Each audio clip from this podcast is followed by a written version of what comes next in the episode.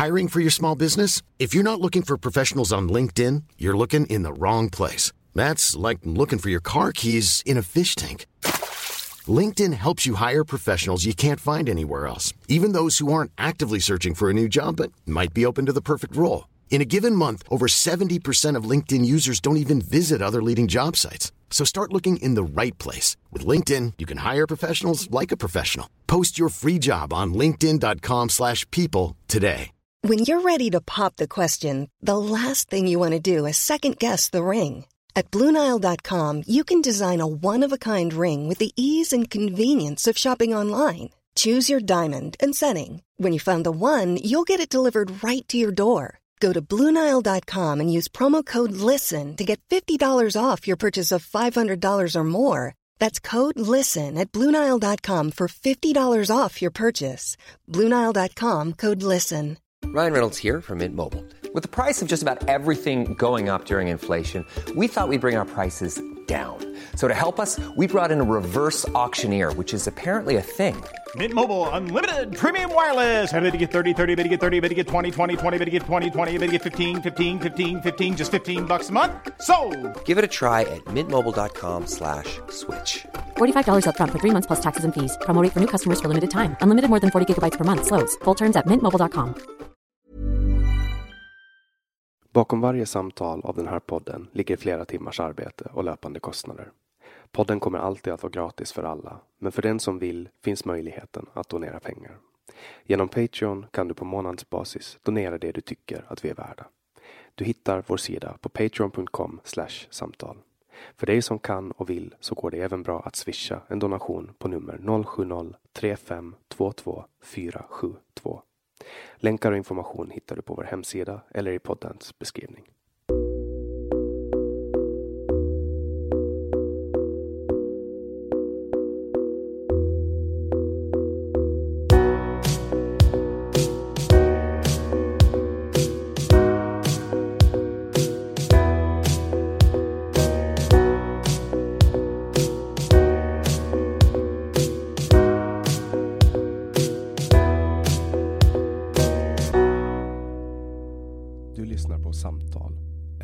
Podcast med fokus på fria samtal.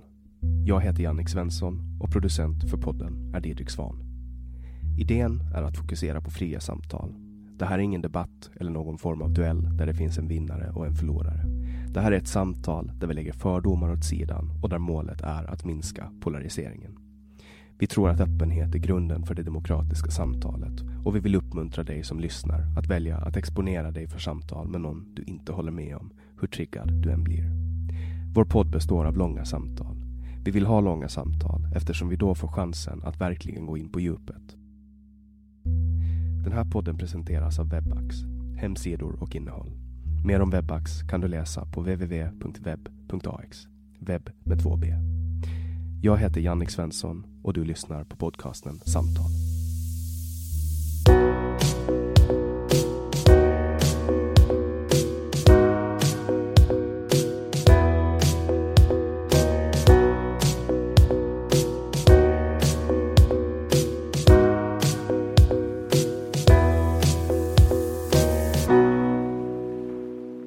Flam är komiker och författare. Han har nyligen skrivit boken Det här är en svensk tiger som handlar om Sveriges roll under andra världskriget.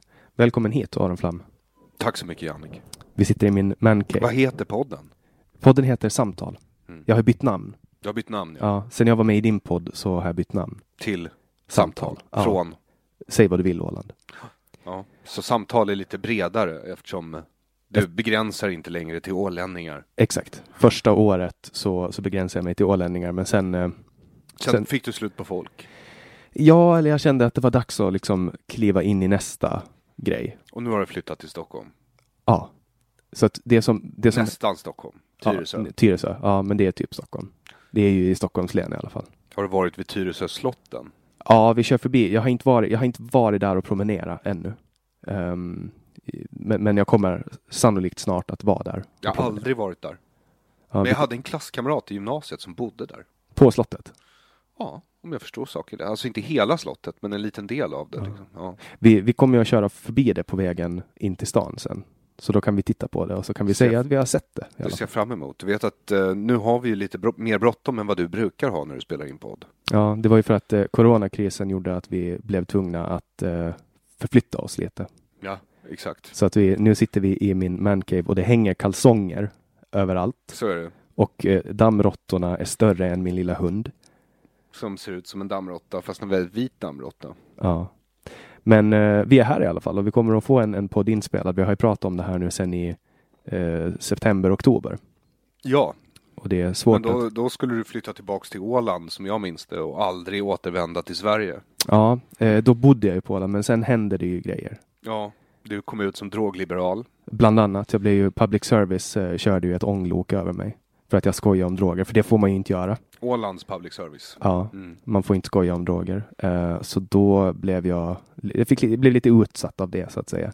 Det är inte så lätt att skaffa sig jobb Nej. när man är känd som en, en notorisk drogliberal. Jag, för, jag har ju förklarat också för människor eh, var jag står när det kommer till droger, men det spelar ingen roll. För har man skämtat opassande, då har man skämtat opassande. Där avundas jag dig lite som faktiskt är komiker. Eh, Ja, jo, det var en av de fördelar jag tidigt såg med professionen komiker var att det är en utmärkt sköld att stå på Mm. när man ska angripa saker hårt. Kanske jag ska göra som du och bli stand-up-komiker, för då kan jag skydda mig bakom det. Ja, det verkar ju bara, alltså nu går det inte att uppträda för någon, så nu är det ju svårt. Mm. Nu är ju ingen i Sverige ståuppkomiker. Nej, de är sit-down-komiker. Om ens. Om Sit- ens. sit och sen så tror jag i, i allmänhet tidigare så var det nog eh, inte så svårt. Det var svårt att bli en bra ståuppkomiker, men att gå upp på scen och kalla sig för ståuppkomiker, det har ju eh, varit skrämmande lätt länge. I Sverige så är det ju extremt många komiker som på något sätt är politiskt involverade. Alltså opinionsbildare. Är det unikt för Sverige? Inte, inte längre va, det brukade vara så. Nu är det väl bara jag kvar i princip. Nej men alltså kolla på Magnus Betnér till exempel. Men är han politisk nu igen? Alltså jag, jag såg att han hade börjat uppträda igen, alldeles nyligen. Men med politisk i den mån att han är med i debatten. Det står om Soran Ismail i, i tidningarna hela tiden. Eh, det står om Öst nu igen i tidningarna hela tiden. Jag läser ju aldrig nöjesbilagorna. Det händer ju att jag bläddrar igenom en kulturdel liksom, men nöjesbilagor nästan aldrig, så jag har väldigt dålig koll på sånt. Jag tvingas ju till det här genom mitt Twitterflöde. Ja, ja, precis, och mitt Twitterflöde ser inte ut så, men, men jag har ju till exempel en partner som har introducerat mig för bland annat Wahlgrens värld. Så jag, jag tycker ändå att jag, jag, jag får liksom eh, min beskärda del av the zeitgeist. Jag vet ju vem Bibs är till exempel. Vem är Bibs? Bianca Ingrosso. Okej, varför kallas hon Bibs? Det, jag tror att det bara är kort för Bianca. Okej. Eh, och lite sådär yuppieaktigt, eh, gulligt, överklassigt eh, smeknamn. Bibs Okej. liksom. Ja, det, det, är, det är lite gulligt. Ja, och hon, eh, jag är helt på Bibs sida. Vad är hon känd för? Jag vet att hon är känd. Är- hon är känd för att hon är med i familjen Wahlgren. Så hennes mamma Pernilla är ju då sångerska och hennes lillebror Benjamin är eh, eh, sångare. Och sen så tror jag att hon har en brorsa som är DJ, om jag förstår. Jag är, jag är inte helt på det klara här, men de är väl eh, våra Kardashians tror jag. Okej. Det är någon form av... eh, Jag vet inte vad pappan i familjen är, om det är så att han genomgår könskorrigeringen nu och det är därför jag inte har sett honom än, eller om han bara aldrig varit med riktigt. han, kanske, han kanske styr den undre världen i Stockholm. Emilio Ingrosso, ja. Jag Ja. tar tillbaks allt jag sa där om könskorrigering. Sorry. Ja, om, om du vill så kan vi också redigera ut det här att inte du får en fatwa på dig. Det är ingen fara. Jag tror redan jag har en sån på mig. Ja, men det jag tänkte på här, jag ska faktiskt söka fram det för att jag vill ge cred eh, till den som skrev det här för att det var faktiskt väldigt roligt. Eh, och det, det är just det här med, vi pratar om stand-up-komiker eh, och att de har saker att säga. Och det var en, eh, en tjej du på... påstod det. Jag, jag trodde att de hade lagt av att säga saker. Ja, nej men alltså jag tycker att man ser dem mer än vad man ser dem i amerikansk politik till exempel. Eller i finsk politik. Ja, eh, ja jo, Eller är åländsk möjligt. politik. Men, men de två finska ståuppkomiker ni har har ju flyttat till LA, så vitt jag har förstått. Vilka då? Sam hette en av Alltså dem. är det, är det just de riktigt finska så vet ju inte jag vem de är. Jaha, okej. Men jag Nej, vet ju vem de nej, åländska är. nej, De, de åländska? Ja, Vilka, är- vilka är de åländska? Josefin Sonck till exempel. Just det, Josefin Sonck. Ja, men hon är inte i LA så vitt jag vet. Sist jag kollade var hon i, i Stockholm. va? Ja. Ja. Eh, och sen har vi ju en till Joakim Björkvall kanske? Ja. Joakim Björkvall heter han. Ja, men det jag läste i alla fall på Twitter var väldigt, väldigt roligt eh, därför att det var ett Östnujen-skämt. Det var en tjej som heter Helena, eh, att Hellapella på Twitter som skrev Okej, nytt påbud från regeringen. Från och med nu kan Östnujen enbart ha 49 usbeker jobbande på sin veranda. Det var väl hyfsat roligt ja. Jag tycker att det Men var... det är ett skämt om Östnujen, inte av. Nej, men anledningen att det blev en grej var ju att han är en offentlig person och han var ju med i tidningen och gjorde den här grejen med Janne Josefsson när, när, när det visade sig att den här terroristen då, eh, Akilov. Akilov eh, hade jobbat svart på hans altan. Ja, exakt. Men det visste han ju inte om. Det sa han ju i tvn. Ja, och man märkte också på hans reaktion att han var oskyldig. Exakt. Ehm, mm. Varför kom vi in på det här? Det var du som kom in på det här. Ja, det var jag som gled in på. Men det är just för att jag, min, min fråga eh, som vi kan återkomma till nu är varför är politiker så, nej men ko- komiker så politiska i Sverige?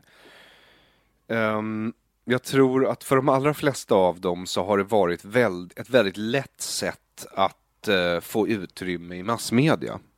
Att om man bara säger det svenskar i allmänhet eh, anses ska tycka, om man liksom framför en politiskt korrekt sanning, då behöver man i Sverige, enligt min erfarenhet, inte ens ha skämt på den sanningen, utan du kan åka land och rike runt och all media kommer skriva om dig och tv kommer sända dina specialer. Ehm, därför att eh, du fyller en väldigt viktig funktion för ja, samhällets ledande skikt kan man säga. Henrik Schyffert. Henrik Schyffert är ju en sån här äh, person som slog igenom ung i Sverige. Eh, och äh, så vitt jag vet har faktiskt ett modekum av talang. Men som de flesta människor som är barnstjärnor, om man låt oss säga att ett management får klona i dem tidigt och i det här fallet var det ju SVT som jag kan intyga inte är världens bästa management. Och, och sen fördärvar de den personen så att den passar deras syf- syften. Det är ju liksom, får man tag i någon som inte ens har gått ut gymnasiet och som liksom knappt har formerat sin världsbild, det är ju lätt att slussa in den och det är bara säga ja till allt den tycker och tänker. För Henrik Schyffert var ju extremt rolig. Alltså Nile City är ju kanske en av de bästa grejerna som har gjorts i svensk Vet historia. jag inte om det var Henrik Schyffert som var mest drivande i det, men, men eh, han var ju delaktig i, Mm. Han var ju rolig där Ja, också, på den tiden. alltså det var ju ett bra ihopplockat gäng. Mm. Och det tycker jag fortfarande. Ja, nej, jag, jag återkommer ofta till, till Nile City. Jag har till och med tagit lite av deras eh, sayings. Men de var ju lite friare i vad de fick säga och tycka på SVT då. Ja, det var väl innan man, man styrde om det till en eh, officiell propagandakanal. Ja, jag, ja eventuellt. Eller jag, jag kan- vet inte riktigt hur det där har gått till. Jag, jag tänker att propagandan var väl kanske mindre tydlig när Sverige var mer homogent. Mm. Eh, men de senaste tre decennierna, fyra decennierna, så har det ju väldigt snabbt blivit min, allt mindre homo, homogent.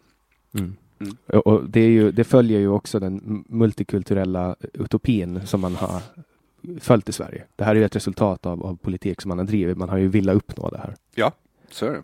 Och nu är man där och nu vill man att alla ska tycka likadant ändå. Mm. För det var ju teorin bakom multikulturalismen på något sätt.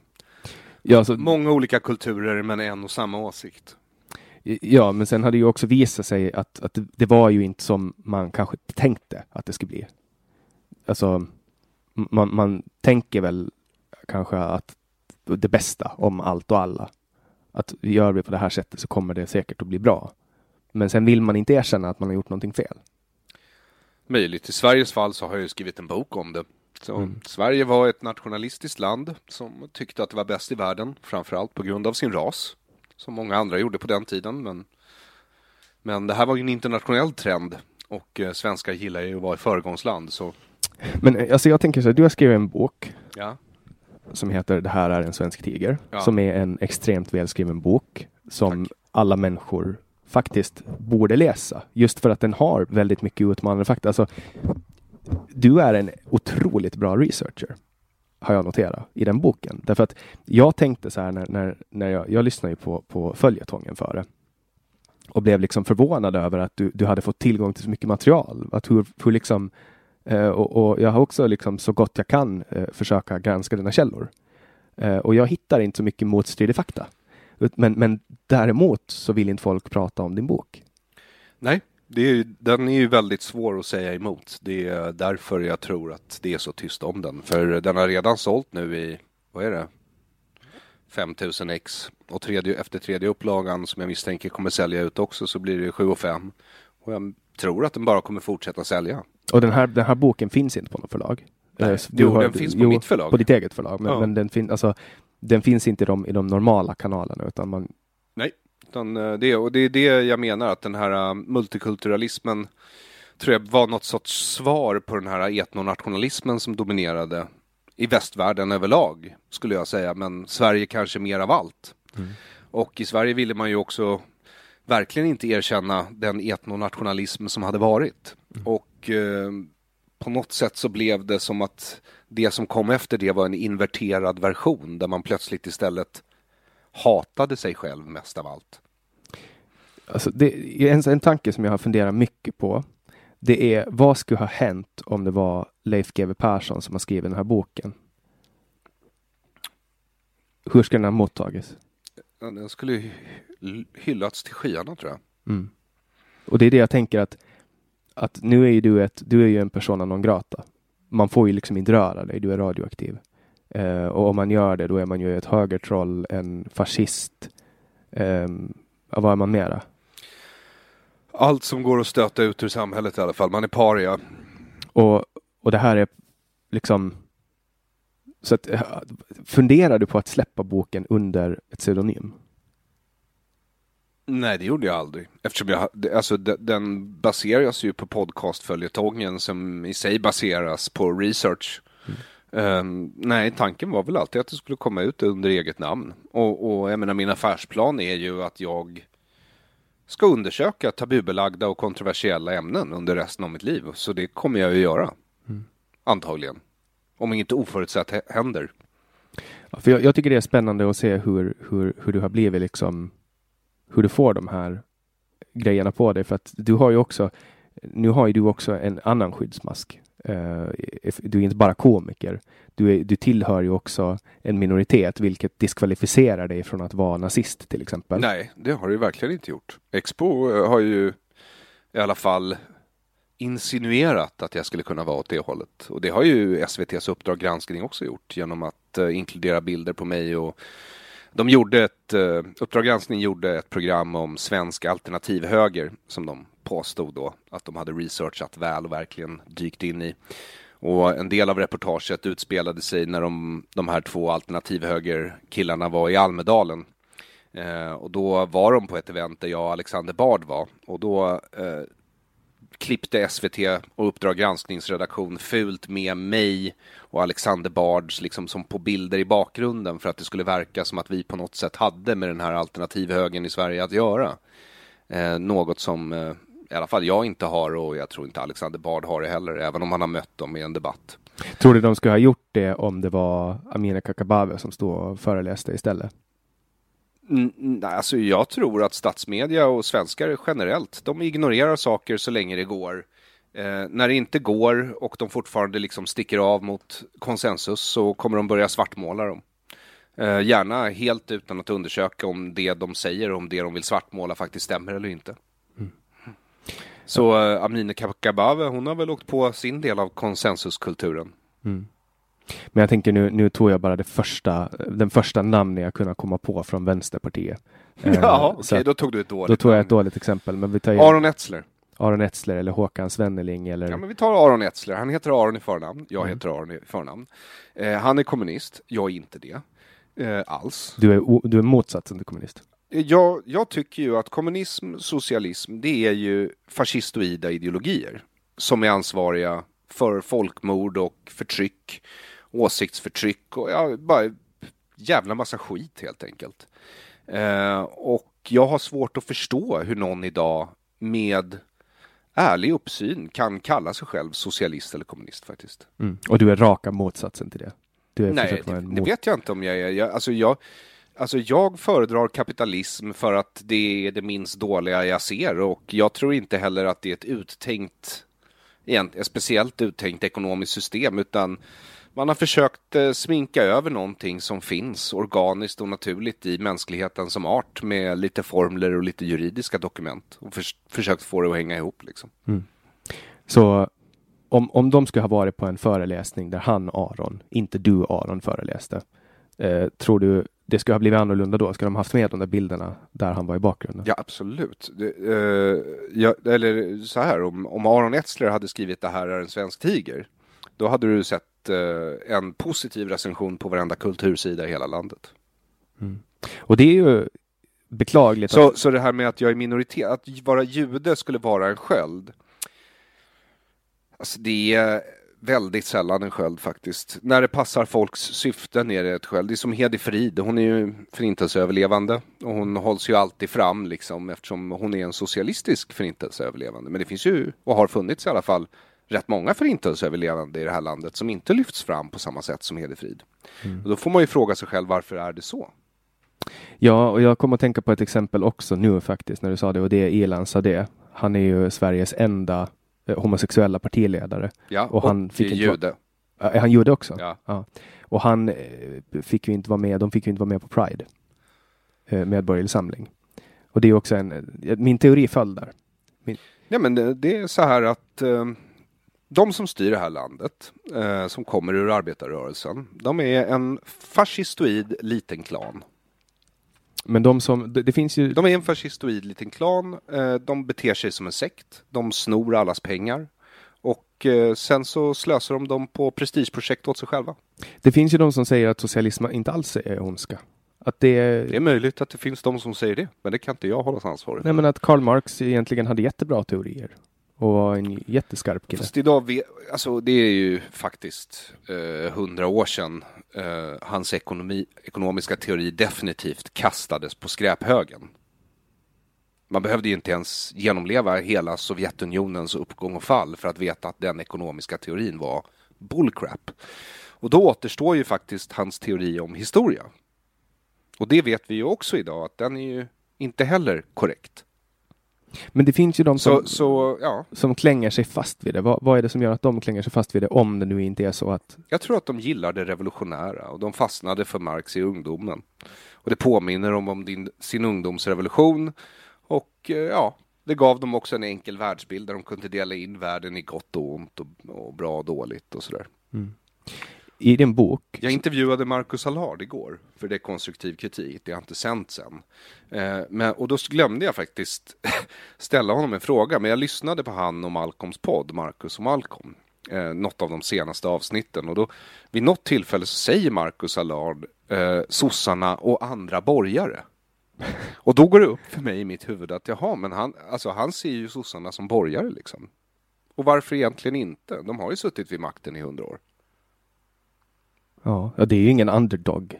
Det är det verkligen inte, men de definierar sig själva så fortfarande i all retor- retorik och propaganda liksom. Så, mm. Ja, i din bok eh, så, så jobbar du väldigt mycket med att eh, ta fram historia från eh, före andra världskriget, alltså ariseringen eh, och, och hur man mjukar upp folket med propaganda eh, inom situationstecken då för att helt enkelt man var man, man, man tyckte att det som hände i Tyskland, det var lite nytänkande. Det var lite coolt. Um, det här sätter du i ett sken av um, att det här var, hade med socialismen att göra. Finns det, liksom, finns det en direkt koppling till Socialdemokraterna och socialismen? eh, ja, det gör det absolut. Även om nationalsocialismen var sin egen lilla grej och plockade lite av varje, så jag tycker du kan fördöma socialismen på dess egna meriter också, men eh, i början så var väl konkurrensen mellan socialister och nationalsocialister inte så stor och eh, så länge pakten mellan Stalin och Hitler varade då skulle ju även Vänsterpartiet, i alla fall deras officiella hållning i Sverige på den tiden var ju att man var på Hitlers sida. Och sen så vände ju det när Hitler högg Stalin i ryggen. Eh, men, och, och det är den ideologiska debatt som pågick inom vänstern som jag har fått se Eh, så var det ju många som hade problem med det här men det var den officiella linjen.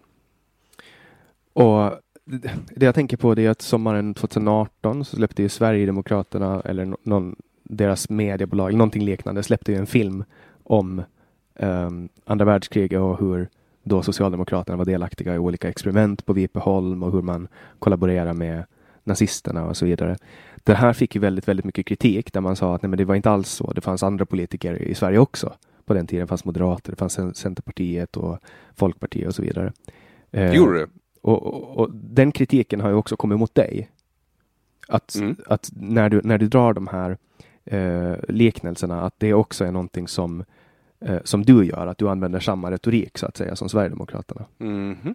Ja, okej. Okay. Ja, det är möjligt. Eh, alltså, jag har ju inte fått så där jättemycket kritik to my face faktiskt. Men folk säger ju det inte till dig. Nej. Eh, så jag har inte fått chansen att bemöta det där, men det hela är väldigt enkelt. Sossarna har ju i hundra år utmal, utmålat sig som de som försökte rädda landet från nazismen. Eh, och det de gjorde var från det att Hitler blev vald var att de samarbetade med nazismen fullt ut, helt igenom, frivilligt, medvetet, illvilligt med fullständig insikt om vad det skulle innebära och de gjorde det ända till krigsslutet i november 1944. Och de hade makten, de hade ansvaret, de hade allt. Mm. Jag hörde min, min, min farfar har Alzheimers nu och, och jag har lyssnat på gamla grejer som, som han har varit med Han var med i ett radioprogram, en intervju, uh, där han pratade om Sverige på, på 40-talet och 30-talet. Jag kommer ihåg att, att eh, kriget just var slut och att mm. eh, det fortfarande pågick såna här flyglarm för övnings skull. Mm. Och att, att eh, Karl XIIs eh, dödsdag var liksom häftig då strax efter kriget. Mm. Och jag vet att det var flera av mina skolkamrater som hade såna här väldigt eh, antisemitiska tendenser hemifrån. Jag vet ja. att eh, vi hade en klasskamrat som kom in lite plötsligt i det hela. Han var mycket större än vi andra. Han hade lockigt hår och krokig näsa och ganska mörk hy och hette Jakob. Och eh, vi hade samma väg då till skolan. Eh, och vid ett tillfälle så kom det eh, ungar i vår ålder då alltså åtta år eller sju, sju åtta år på sin höjd va? och sa att sådana där som dig gör vi tvål av alltså egentligen vi ja. som vet hur man gör. Va? Så nog visste ungarna redan 1945 mm. vad det var frågan om. De inser att då, då trädde jag fram kommer jag ihåg och det är mycket underligt minne men jag sa att ni, ni ska inte bråka med Jakob alltså för han är jättehygglig. Mm. Men de kom närmare de här killarna och då sa att ni ska vara försiktiga för att min mamma är född i Ryssland. Ja, du var bra på att ljuga. Nej, hon, är, hon var ju född alltså i, i storfurstendömet Finland. Ja, just det. Ja. Ja, det och, och, jag hade tydligen uppsnappat, och jag studerade det senare, jag hade tydligen uppsnappat att Röda armén då hade ju gått fram som en ångvält över hela Tyskland och intagit mm. Berlin och så vidare. Och att även tyskarna var då för det laget eh, skraja för ryssarna. Och de här killarna de blev så förvånade över mitt påstående så att de tog ett par steg tillbaka. Mm. Men sen var vi tvungna att springa och så här och de hann inte ifatt oss inte. Nej, just det. Ja. Men det är underligt att man redan i sjuårsåldern eh, är med om sånt där faktiskt. När till och med barnen vet vad som pågår mm. i ett land um, för att de hör sina föräldrar, då, då måste det vara väletablerat. Så jag, jag, tror ju inte på den här grejen att, att man inte visste vad som pågick i Tyskland. Nej, det är utan uh det, det är jag helt övertygad om att Sverige, svenskar visste. Ja, för du, du visar ju också upp artiklar. Eh, Många som helst. Där, där man alltså pratar om de här grejerna och där man har en ganska eh, hård ton mot judar. Precis som nu så visste alla vad som pågick och så debatterade de om det var rätt och det gick inte att förutspå för i just det här fallet så bestod hela Sverige av ett land som för det första inte såg judar som fullvärdiga medborgare eller människor i vissa fall och för det andra var övertygade om det fanns inget moraliskt rätt och fel förutom styrka. Och det var därför de också var på Tysklands sida, de beundrade styrka. Och när man tittar på socialismen och undrar vilken del i nationalsocialismen är det som bidrog till det som hände där. Eh, så kan man väl säga, alltså, jag tycker tittar man på socialism överlag så ser man ju att socialism är någon sorts dödskult. Den är både dystopisk och utopisk, men den strävar mot ett framtida paradis på jorden. Och när du vill skapa en himmel på jorden, då måste väldigt många människor dö. Det brukar vara så för utopiska rörelser överlag. Eh, men i just socialismens fall så är de fyra grundpelarna också eh, sådana att de vill eh, krossa religion, för religion är en konkurrent. De vill krossa familjen, för familjen är en konkurrent mot den allsmäktiga socialistiska staten. Eh, De vill krossa relationen mellan man och kvinna. Eh, Och eh, ja, i slutändan så är det så att de tar bort alla de delar som egentligen är grundpelare för mänskligt liv. Och vad som uppstår när man gör det är kaos varje gång. Som Men- men- Venezuela nu senast. När Karl Marx eh, uppfann den här teorin, tror du, tror, du hans, tr- tror du att hans uppsåt var ondska eller var det att han bara trodde att det här kanske funkar? Um, jag tror att han säkert ville väl, att han i demokratins gryning eller ja, i alla fall en bit på vägen in i demok- demokratisk utveckling såg en stor samhällsklass som ännu inte deltog i politiskt självbestämmande. Och han ville organisera den samhällsklassen. Sen att kalla honom god eller ond, jag vet inte, han föreslår ju rätt fruktansvärda saker i sina texter. Det är inte som att han skräder orden direkt. Men det är ju ändamålet ska ju helga medlen. I, det här, I hans fall, ja. Så. För att, för att han, han var ju en, en jag har ju läst eh, lite marxistisk teori. Ehm, och det handlar om att jag inte vill vara en sån som kritiserar någonting jag inte vet någonting om. Eh, och jag faller inte för hans idéer. Därför att jag har ändå vissa referenspunkter i historien där jag tittar tillbaka och så ser jag att okej, det här har man försökt med. Och det gick inte. Nej. För att, för att det går inte. Eh, men, men sen kan jag ändå debattera med socialister och nästan tro på dem. Därför att många är väldigt, väldigt duktiga på att argumentera för sin sak. Det måste de vara, annars skulle de inte tro på det själva. För att allting låter ju så enkelt. Japp. Det är första ledtråden om att det antagligen är fel. Mm. Mhm. Ja, kanske, kanske det utvecklas en marxistisk AI som kan eh, planera ekonomin åt oss. Då kommer vi vara slavar åt den istället för eh, Stalin. Men att det, Därför att det är vad Marx säger. Alltså essensen av vad han säger är du ska inte få mer än någon annan bestämmer att du ska ha och behöver. Men du ska ge allt den personen tycker att du kan ge till staten. Det är slaveri den förespråkar. Så hur människor får det här att låta bra i sina huvuden, det har alltid varit eh, Alltså jag förstår inte riktigt hur de kan tycka att det här låter bra i deras huvuden. kan det vara en Jag, alltså jag, jag, jag kan inte förstå. men kan det vara så att de upp, Om jag uppskatt- förklarar, alltså för att jag har ett kusinbarn som för några år sedan inte var särskilt gammalt. Och då frågade du mig vad socialism var och då försökte jag att förklara det så snällt som möjligt. Alltså så att han inte skulle bli mobbad bland skolkamrater och sådär. Och då sa jag bara att eh, nej men det, är, det är en person som tycker att alla i samhället ska få lika mycket betalt eh, som alla andra i samhället. Och då sa han, vadå, oavsett om de har olika jobb? Och så, ja. Så han bara, så en polis och en, en, en sjuksköterska, de ska ha lika mycket? Ja. Och, och en, en finans och, ja, exakt. Det är olika mycket, eh, lika mycket mellan alla som, som jobbar. Då, sju år gammal, så förstod han direkt. Det är ju inte rättvist. De gör ju olika saker. Och då hade jag inte behövt förklara mer än så. Han drog den slutsatsen själv. Så att det finns så otroligt mycket människor som tycker att alla ska ha lika mycket saft i glasen är en bra politik. Det är för mig eh, en ständig huvudvärk som jag försöker undvika att tänka på. Ja, för vi kan ju se vad som händer om man googlar socialism. Ehm, socialism är en ekonomisk teori kännetecknad av betonandet av kooperativa styrelseformer och en tilltro till gruppens, kollektivets och massornas förmåga att organisera ekonomiska och politiska problem. Uh, notera ordet tro. En tilltro. Notera ordet kooperativa system. Ja, vad döljer sig bakom där? Den är inte ens klickbar på... För Italien var ett kooperativt system under Mussolini. Tyskland var ett kooperativt system under Hitler. Och eh, Sverige under Per Albin Hansson byggdes också upp till att vara ett kooperativt system. Och är det fortfarande idag. Men hur man än vrider och vänder på det så var ju Sveriges politik under andra världskriget väldigt bra för Sveriges ekonomi. Ja, hur man än vänder och vrider på det så är det så. Och det är ju tack vare Socialdemokraterna. Absolut. Och det är ju det de säger. N- nej, de säger ju också att de inte gjorde något fel och att de få fel som gjordes gjordes under stort tvång och eh, stora moraliska dilemman. Men så var det ju inte. Men de människorna är ju döda nu, de som har gjort det. Stefan Löfven ska inte behöva bära skuld för det. Eh, Alltså fast han bär skulden för att inte vara ärlig med historien.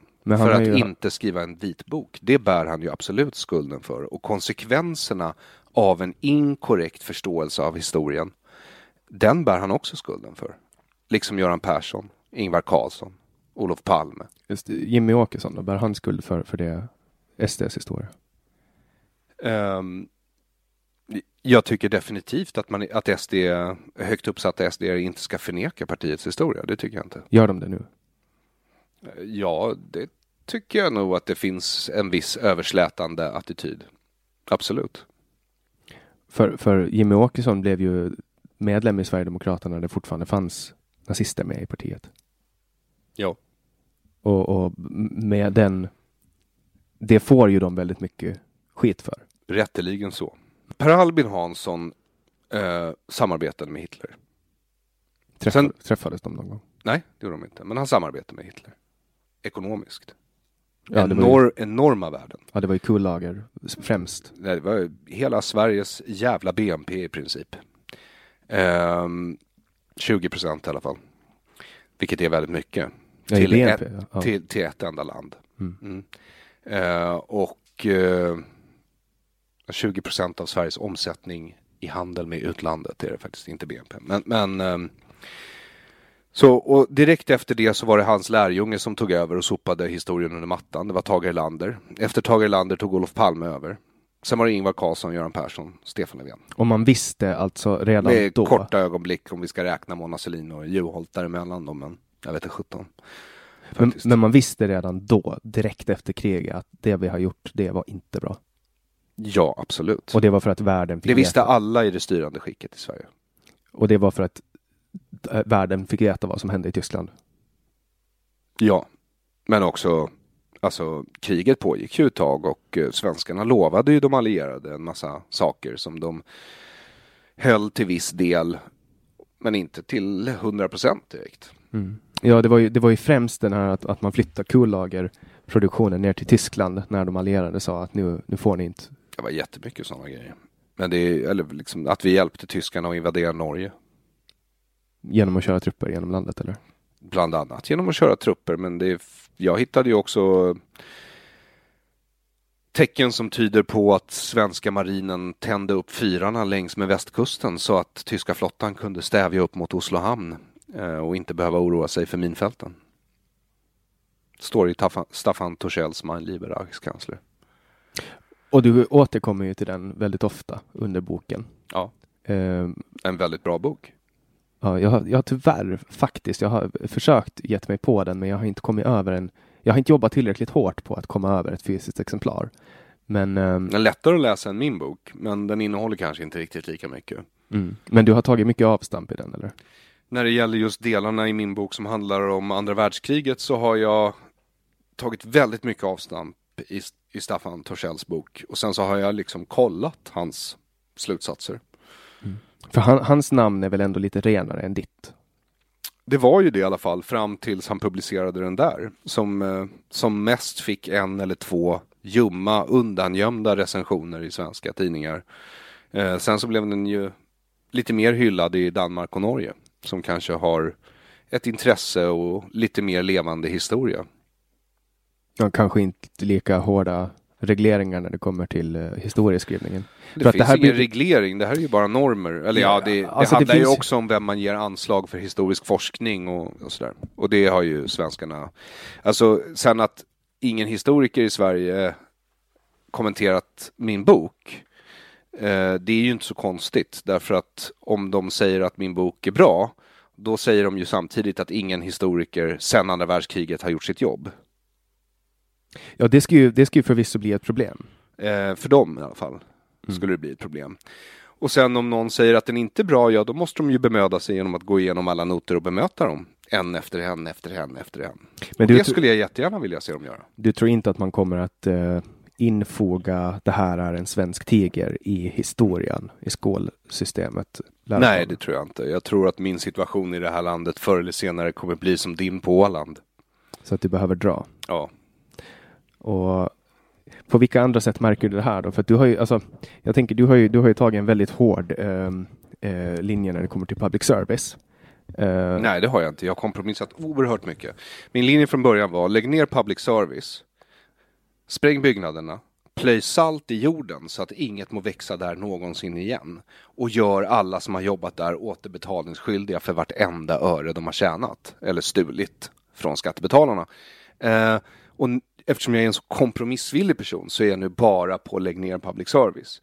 Men om det är så att ingen liksom vill gå mig till mötes, då kommer jag ju skala upp och sen så kommer det bli fler och fler krav tills vi är på liksom, nu virar vi kedjor runt anklarna på alla anställda och släpar dem bakom pickup trucks genom Stockholm. Det är bara ett förslag. Men jag är redo att föra in det i avtalet liksom, om det är så att ingen lyssnar indefinitely. För att du har ju fått lite gehör, bland annat av mig. Eh, så jag, jag har ju också, jag har ju väldigt länge känt mitt agg. Jag har jobbat eh, som journalist i privata tidningsbranschen och eh, noterat hur public service dels eh, konkurrerar med löner. Mm. Det är liksom inga schysst, tycker jag, att, eh, att konkurrera med. Alltså man, man får ju mycket, mycket bättre betalt på public service. Man kan i princip inte bli sparkad. Det finns väldigt lite jobb på public service. Du får mer betalt. Du behöver prestera mindre. Och du jobbar mindre. Ja, det är det, alltså deras output är ju anskrämlig. Ja, och det här, jag, jag tycker att ur ett, ur ett rent gru, gru, grundperspektiv så ser inte jag, alltså jag har ju jobbat på en relation, jag vet ju att man det, det, det är, alltså det går liksom inte att, att korrumpera en hel relation. Utan folk följer, eh, nu vet inte jag hur det är i Sverige, men, men jag kan bara referera till Ålandstidningen där, där, där jag har jobbat och då är det liksom det är bra journalistik, det är rättvisa människor och om någonting händer så skulle någon blåsa i visslan. Och det, det, gick alltid att blåsa i visselpipan. Det var liksom inga konstigheter. Så att den, jag köper inte den bilden att man, att man kan korrumpera journalister. Men däremot public service, om alla går runt och har samma åsikt, då, då har man ju ett problem. Därför att då ser man ju inte vad man har för bias. Kostkriget, det är nästan mer polariserat än, än droger och public service, skulle jag säga. Eller jag har fått, jag har fått så mycket skit. Alltså, jag fick till och med en ut, utskällning på krogen när jag var, alltså en riktig utskällning. Jag trodde, jag fick liksom, jag gick i så här vaktposition för jag trodde att hon skulle slå mig. Så att jag liksom gick och så här vände mig åt sidan så att jag skulle kunna dra mig undan snabbt om hon skulle börja slå mig liksom. Uh, och det var just för att jag pratade om socker och vetemjöl. Ja, jag, um, jag växte upp kosher. Ja. Då får, man eh. inte, då får man inte laga mjölk och gris eller mjölk för, och ko i samma. Ja, det är massa, massa regler bara.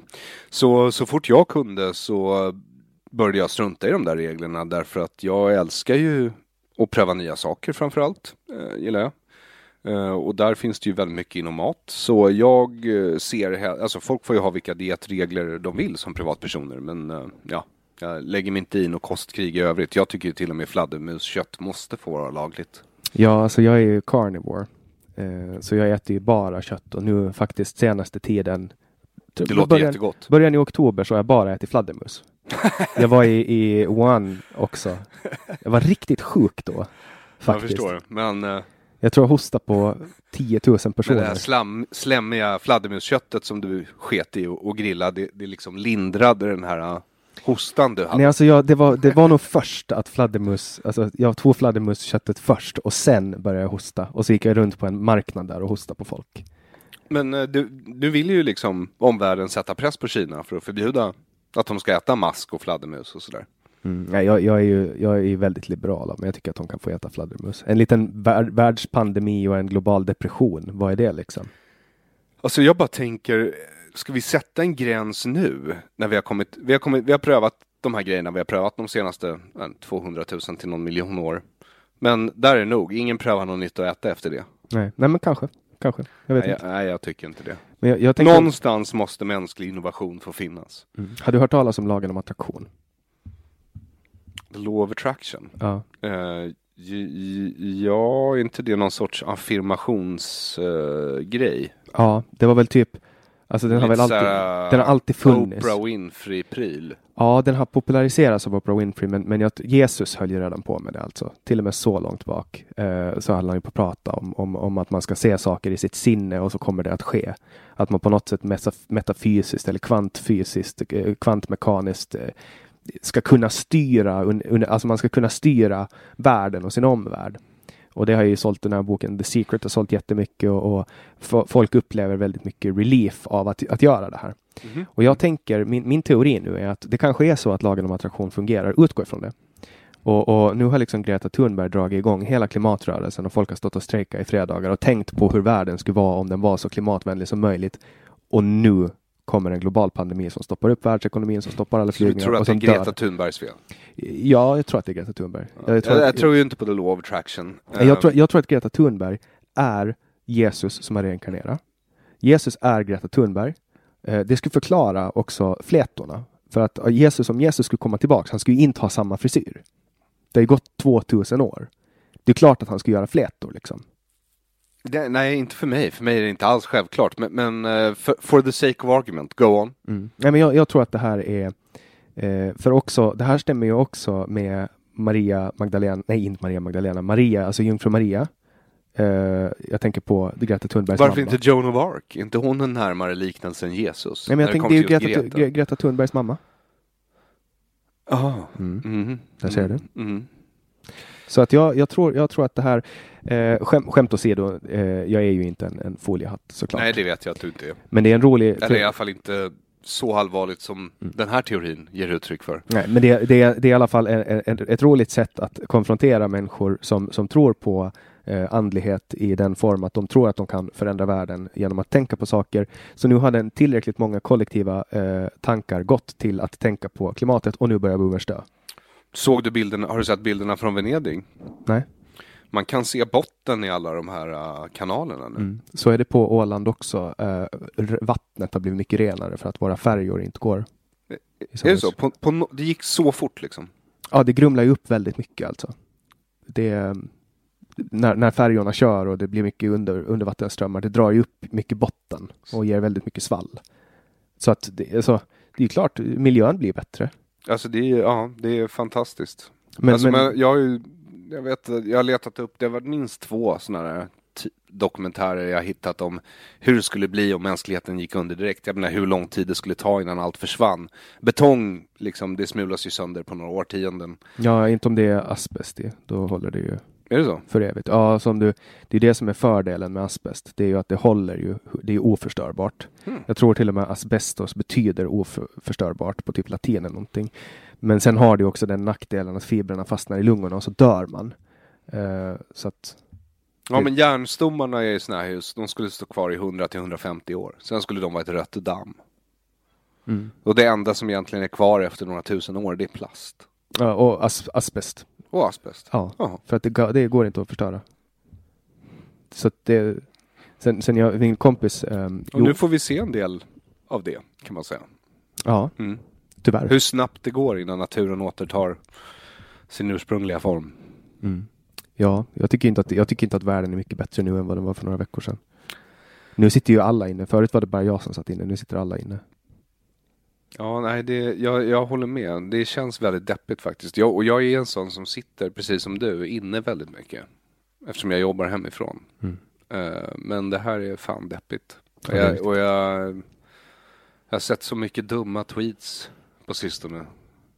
Först har vi den här gruppen människor som är ute och bara så här, ja, nu har nu pratar vi inte om invandring för nu vet vi att det spelar ju ingen roll. Okej, men vänta bara tills den här direkta hälsokrisen är över och den ekonomiska krisen sätter in. För jag menar, vi hade motsättningar redan när det bara var 4% arbetslösa svenskar och cirka 20% arbetslösa invandrare. Och när de proportionerna mångdubblas Ja, men nu kommer det ju kanske att bli rättvist i alla fall. 20% arbetslöshet bland invandrare och 20% bland svenskar. Jag är väldigt säker på att det inte kommer se ut så. Faktiskt. Utan jag tror att det kommer gå upp i båda grupperna. Ja, vi får ju hoppas på att det blir jämnt i alla fall. För ska Sen in... så får vi inte glömma att vi i Sverige har ju ett väldigt stort skuggsamhälle också. Ja, men det, det pratar vi inte om. Nej, med oregistrerade människor. Som vid det här laget kanske inte har några jobb kvar. Några svarta, Svarta. lågbetalda jobb. Och de har heller inga reguljärflyg som gör att de kan ta sig hem. Mm. Och även om det fanns så är det inte säkert att de får. Vet man ungefär hur många det bor illegalt i? Mellan 100 och 400 000 människor. Någonstans. Skojar du? Nej. Hund- Det är ingen som vet exakt givetvis. Nej men alltså att vi, men vi min- kommer minst- över min- 100 000 alltså? Ja, ja, ja, det är inga problem. För, för när, jag Jag flytt, skulle säga att 100 000 är den lägsta gränsen. när jag ganska nyligen hade flyttat till Sverige, då var det, eh, jag försökte ju bli eh, den tionde miljonte medborgaren genom att, eller inte medborgare men boende i Sverige. Mhm. Så jag försökte liksom pricka in att jag skulle skriva mig, men det var jävligt svårt. Alltså, Mm. men, men jag var, eh, när, när jag skrev in mig i Sverige, då var det, då var det 10 miljoner människor. Nu är det 10 miljoner 300 000 tror jag. 10 miljoner 200 eller 300 000. Så det är ju, det är ju en ganska, alltså 100 000, säg att det är 100 000 pers som bor i Sverige illegalt. Det är mycket människor. Ja, det är jättemycket människor. Tänk att några av dem, en rätt stor andel kanske har tagit illegala jobb som diskare eller, eller inte men svarta jobb liksom, som diskare eller städare, bor på en madrass någonstans, ska skicka hem pengar till sin familj. Nu är det jobbet borta därför att det är ingen som gör något. Och de får ingen social welfare. De får ingen social welfare och de kommer inte hem. Och om de dyker upp i ett myndighetsregister, då blir de fängslade. Vem vet? För det är väl så man Jag gör. vet inte, har vi rutin, alltså vi lyckades ju inte, i, när det inte var kris, lyckades vi inte lista ut vilka rutiner som skulle gälla. Vilka gäller nu? Jag har ingen aning. För även om vår stat nu fick skicka iväg, hur vet vi att, att värdlandet i så fall släpper in dem? Nej, det vet man inte. Nej. Så, Nej, det, är, det är faktiskt ehm, när man, när man så det, det, det här är ju verkligen en katastrof på kort sikt, men ser du på lite eh, mellanlång sikt och lång sikt, då ser det ut som en sjuhelvetes katastrof faktiskt. Hur har du garderat dig? Har du mycket judeguld hemma? Jag har inte så mycket judeguld hemma och även om jag hade det skulle jag inte säga det för det går att ta reda på var jag bor. Men eh, eh, jag har ju gett min fästmö några smycken i guld så det är väl det guld vi har. Annars så har jag ju en låda med frystorkad mat som alltid står där uppe i garderoben och jag har ett vattenfilter så att jag kan pumpa rent regnvatten om så skulle krävas. Så du har frystorkat fladdermuskött i massor? Ja, massor. Eh, och eh, jag har, eh, men du vet så här. Alltså att preppa är ju, eh, nej, alltså det är ju, egentligen är det en livsstil som man ska göra det hela tiden. Men jag, har ju- jag har ju så här, jag, jag får ju maniska skov, eller inte riktigt maniska skov, men, men jag, jag, jag får eh, så här, fixa idéer på saker. Du får drogpsykoser varannan månad? Ja, men, nej, inte någon månad, men de, de, de, de håller i sig rätt länge. Men, men de kanske inte alltid håller i sig hela livet. Och man kan ha flera igång samtidigt. I alla fall nu när jag blivit äldre kan jag det. När Mm. Du jag, rökte hasch för 25 år sedan och sen fick du en haschpsykos. Nej, men vad jag 25 år menar, alltså, jag hade liksom några år där när jag verkligen tänkte mycket på prepping.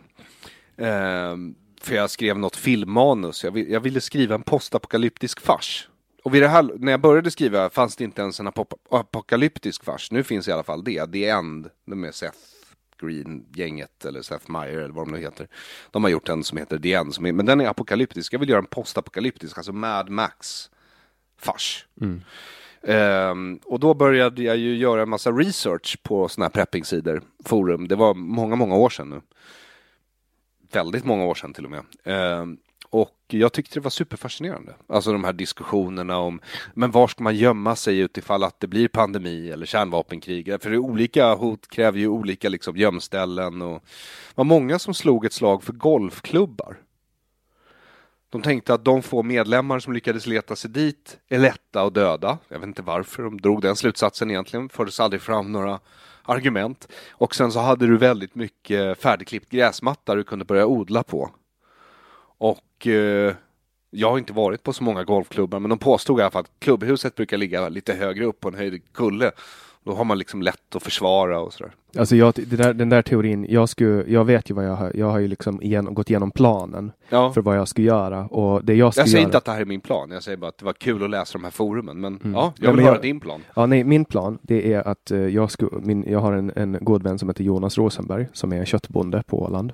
Eh, och jag skulle åka till honom och så skulle jag eh, bosätta mig i hans källare.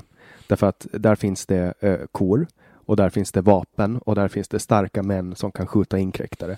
Eh, så jag skulle helt enkelt eh, attacha mig själv som ett bihang Aha. på hans eh, gård Men- och hoppas att jag kunna, du vet, Men vad ska du bidra med? Det Jag menar, de har redan starka män som Ja. kan skydda. Nej, jag vad ska kan- de med dig till? Jag kan, jag kan skriva dagbok åt dem. jag kan göra annonser åt dem. Eh, Du ska bli deras bard. I det här ja, framtida, men det liksom Ja, eh, postapokalyptiska stamsamhället på Åland. Eh, Du blir deras bard. Ja, nej, men jag kan spela, jag kan spela lite gitarr, så jag kan stå där när, när de står och, och tröskar med sina skördetröskor på Hadnäs gård, så står jag och sjunger eh, John Lennon-sånger. Ja, eller drar ut i krig mot granngården då. Som kanske bara odlar mungobönor. Ja. Jag ser framför mig ett, ett, ett, ett riktigt fasansfullt framtida Åland där ena hälften är rena köttätare och andra hälften är vegetarianer och så har de årliga strider mot varandra. Ja. Och så står du längst där fram med någon sorts konstig köttmask över huvudet.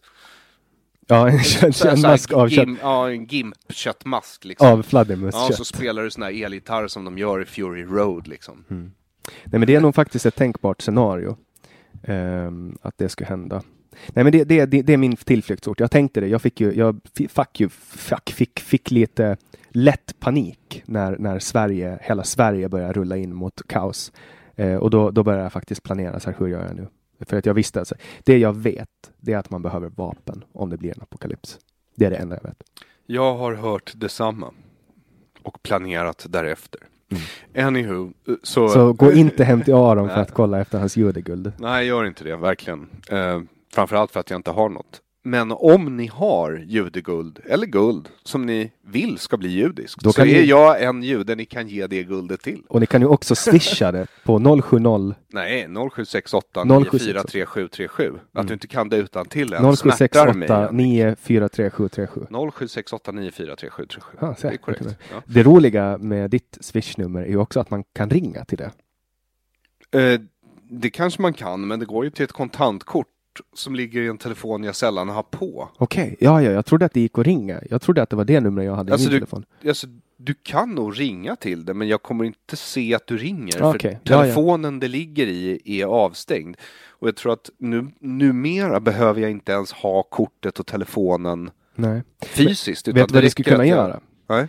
Du skulle kunna... Eh, vem, är, vem är den i Sverige du tycker minst om? Inte som du hatar mest, som du tycker minst om. aldrig reflekterat över. Alltså, vad, vadå? En person man tycker minst om, det är en person man tycker om, men inte så mycket.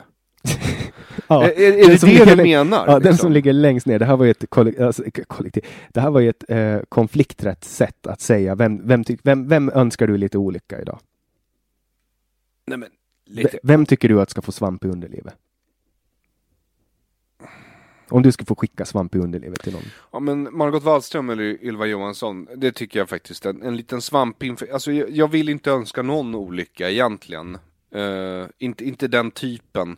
Alltså jag vill ju mest önska att vissa blir av med jobbet. Okej, men Ja. då, då tycker jag att du, Och utsatta för konkurrensen på den fria marknaden. mm, men då tycker jag att du startar ditt telefonnummer eh, och så vidarebefordrar du alla samtal till Margot Wallström. Men får inte hon alla mina swish då också?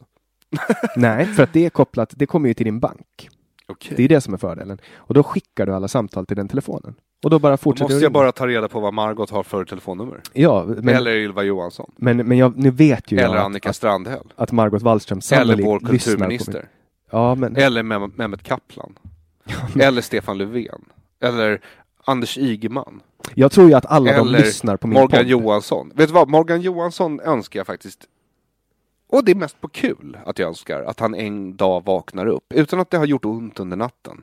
Och istället för penis så har han en vagina. Och det är svampinfektion i den vaginan. Men man kan ju ha en svampinfektion på det manliga könet också. Ja, fast just i det här fallet, när det gäller Morgan Johansson, så önskar jag alltså det här är vad jag säger nu. nu du, ska- du ville att jag skulle önska Ja, någonting om okej. någon jag tyckte lite om. Men då önskar jag att Morgan Johansson en dag vaknar upp utan att det har gjort ont under natten. Han har drömt jättebra, det har varit en skön dröm. Han vaknar upp, han har en vagina och han har svampinfektion i vaginan. Mm. Men Och- sen går det över och så får han tillbaka sin penis. Men om vi... Om Men då vi... har han lärt sig en läxa, Jannik. Men om vi samlar tillräckligt många människor, vi samlar tillräckligt många skolelever som skolkar från skolan på fredagar och står med en skylt där det står Morgan, Morgan Johansson ska få en vagina. eh, och så står vi där varje fredag i ett år. Då, Ja. kanske han, då kanske det händer. För att uppenbarligen funkar ju det de har gjort. Greta Thunberg har ju förändrat världen med sin magi. Vad tror du kommer hända nu när den här krisen är över för miljön? Jag, alltså, jag tror Tror kommer- du miljöplaner kommer att prioriteras eller nerprioriteras? Jag, jag tror tyvärr att det finns en sannolikhet att de kommer att nedprioriteras. Och jag tror också att det här kommer att leda till att vi kommer att gå igenom en ny fas där vi använder billigare teknik, eh, där vi använder skitigare teknik, där vi skalar upp till exempel kolkraft nere i tredje världen. Jag tror inte att det här kommer att vara gynnsamt. På något sätt. Nej, jag har väldigt svårt att se det. Ehm, och det stör mig mycket faktiskt. Men världen får andas lite nu. Reflektera. Sitta ner och ta ett djupt andetag. Kanske. Jag tycker mest att den verkar antingen neurotiskt sitta hemma, som jag, eller eh, och oroa sig för äldre släktingar, för det gör jag verkligen. Eh, eller eh, så verkar den eh, skita i vilket och gå ut och ta en öl på en uteservering. Vilket jag också faktiskt på något sätt, om man ändå ska möta döden så finns det ju sämre sätt att göra det på Ja, men det är, ju, det är ju ofta, det är sällan, med en öl i handen. det är ju inte 75-åriga boomers som sitter och dricker öl. Det är, ju, det är ju unga kids i min ålder som sitter och dricker öl och de går och hostar på boomers som sen dör. Så att det är ju inte de som alltså, det är inte de som dricker ölen som lider. Jo, jag tänkte på det att eh, din generation kallar det här för the boomer, boomer remover, Mm. eh, covid. Men sen så såg jag ju ett inslag på Aktuellt där, där eh, jag tror hon hette Josefin, hade blivit av med jobbet inom hotell och restaurang och då tänkte jag, ja, ser, det är en zoomer remover också. Zoomer remover. Jag visste inte att vi kallades för zoomers. Eh, jag kallar er generation för zoomer. Ja, då- Och jag har noterat att när eh, zoomers på Twitter kallar mig för boomer och jag svarar okej zoomer så blir de superirriterade. Hur gammal är du då? Du är inte en boomer. 41. Ja, du är inte en boomer. Jag har känt mig som en boomer sedan jag var nio. Ja, men det är för att du är lillgammal. Ja, det var vad de brukade säga om mig. Lillgammal sa de. Satt du vid vuxenbordet också? Eh, nej, jag fick nog sitta vid barnbordet kanske. Jag vet inte. Jag tänkte inte så mycket på andra kanske. Din, eh, Jag var väldigt mycket uppe i mitt eget huvud som barn i alla fall. din pappa är professor. Ja, Eh, har du haft mycket intellektuellt utbyte av honom?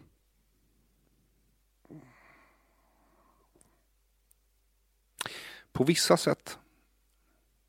På vissa sätt. Eh, Min far var väl förtjust i en viss typ av amerikansk litteratur från en viss period. Och en del av den tog jag till mig när jag hade kommit över eh, att min pappa läste väldigt mycket romanförfattare som bekymrade sig väldigt mycket om sex. Vilket också tog ett tag, eh, i alla fall några tonår att ta sig förbi. Eh, och sen så har vi väl bråkat väldigt mycket om eh, vad jag misstänker att du skulle kalla intellektuella saker som ekonomiska teorier under min uppväxt. Han är, han är ekonom, Ja, professor i national- nationalekonomi. Ja, och han är ganska framstående sådan. De påstår det, ja. Mm. Mm. Du är ju såklart eh, hemmablind där. Eh, men men eh, under den här processen, har ha han influerat dig till att ta de ställningstaganden du har idag? Eh, alltså min far och jag politiskt och intellektuellt tycker inte särskilt eh, lika om särskilt mycket. Men det är väl klart att han har influerat mig eftersom han har funnits där och haft sina åsikter så har jag ju varit tvungen att ta ställning till dem under min uppväxt. Och det har väl säkert påverkat mig. För jag tänker att din... Alltså eh, min far ville ju att jag skulle gå med i Unga Örnar när jag var liten. Vad är Unga Örnar? Det är Socialdemokraternas ungdomsförbund. Okej, så din, din, din, din far... Och det ville jag inte, redan då. Ja, han är socialdemokrat då. Ja. Eller han var det i alla fall. Ja, det är han. Och hur är det med... Jag, jag tänker för att om, man- om man, om man hänger sig till vetenskapen nationalekonomi, för det är ju en vetenskap som förklarar. Tveksamt, men okej. Ja, men den, den förklarar ju olika skeenden. Eh, Försöker. försöker, ja, jag, jag tänkte fråga din tilltro till nationalekonomi. Jag kan illustrera den med en, med, med en anekdot om min far. Att vem som än av mina bröder och jag som frågade pappa när vi var små om börsen kommer gå upp eller ner fick alltid samma svar. Vad var det? Ja, det kommer den. Den kommer att gå upp eller ner. Ja, Mm. Och det säger väl en hel del tycker jag. ja det Om nationalekonomer. absolut. absolut. Hur, så, vilka är dina stora? Jag älskar min far, även om vi inte alltid eh, håller med varandra. Mm, det förstår jag. Jag vet ju själv hur jag har påverkats av min släkt. Um, alltså, man växer ju upp med sina föräldrar om man bor i samma hus som dem. Förutsatt det såklart. Uh, och det är klart att man kommer att ta till sig av deras åsikter och deras sätt att se på världen, för att det är de som lär en hur man ser världen. Men eh, när du har lärt dig se världen, vilka politiska ideologier har du studsat mellan? Politiska ideologier. Jag tror alltid att konst och då framförallt litteratur men även film och tv eh, har format min världsbild i större utsträckning än några av din, de filosofer jag har läst som ändå har varit med och format min världsbild väldigt mycket. Mm. Men det var när du läste Dianetics som du blev upplyst? Nej. Eh, vissa saker man läser påverkar en väldigt mycket. Jag menar, om jag ska ta ut de saker som jag läste som väldigt liten i till exempel Alltså sprack Zarathustra så förstod jag ju inte allt då. Men det lilla jag förstod och som jag kunde ta till mig på den tiden påverkade mig väldigt mycket. Eh, ja, och sen är det, jag tror att jag ofta också har plockat russinen ur kakan. Jag har liksom aldrig idoliserat sa, eh, människor jättemycket utan det har varit vissa verk eller vissa meningar, i vissa fall enstaka aforismer som har påverkat mig väldigt mycket. Kan du namedroppa? Ja, det kan jag göra. Ni, du gillar Nietzsche? Uh, ja, absolut. Men, men ett mycket bättre exempel på det här, det är Thomas Hobbes. Uh, för jag tror att Thomas Hobbes uh, filosofi i stort har väl inte påverkat mig jättemycket. Men just den där meningen om att civilisationens fernissa är lövtunn och att där bakom så är människans liv brutalt och kort och hårt det håller jag med om. Så den har jag alltid haft i bakhuvudet. Men frågan är om den formade mig eller om den bara formulerade någonting som jag verkligen tyckte var sant. Och fortfarande tycker är sant. Var på din resa stötte du på hjältemyten första gången?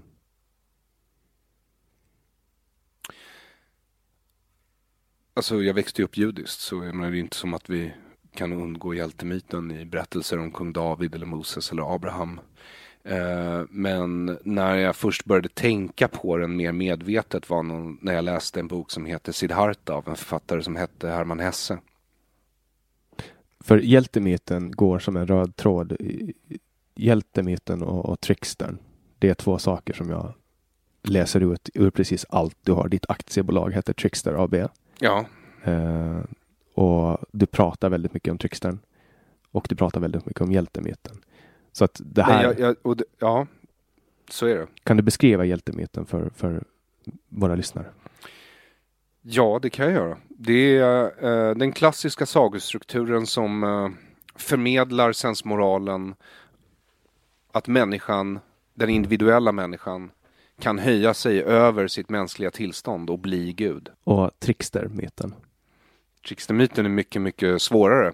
Men om jag får sammanfatta sensmoralen i den så är det att trickstern agerar avskräckande exempel genom att ge efter för alla sina mänskliga slash djuriska impulser och att man genom det ska lära sig att inte låta sig drivas av sina begär utan att vara sina begärs herre. Och det finns ju en illustration med trickstern där han skapar en konflikt bara av att kliva ut på en gård. Eh, ja, det gör det. det är, den finns lite olika varianter. Eh, den där västafrikanska är väl den jag känner till bäst. Han eh, tar på sig sin finaste kostym och den kostymen är från skorna till hatten, vit på ena sidan och svart på andra sidan.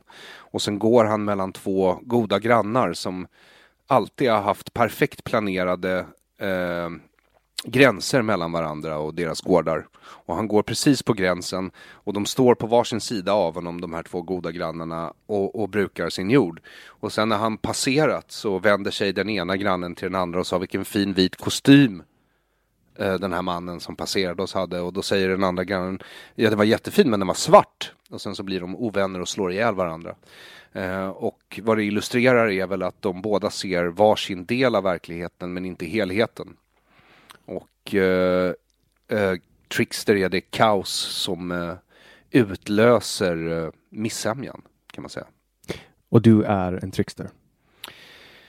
Du vill fylla funktionen? En del av min affärsplan som konstnär, om man ska vara lite, eh, lite pretentiös, jag brukar inte kalla mig själv konstnär ens i mitt eget huvud, men om, om du ska se det jag gör som kreativ verksamhet och att jag har haft en idé om att jag ska syssla med det sedan jag var väldigt ung, eh, så visste jag redan tidigt att jag var väldigt intresserad av mytologi.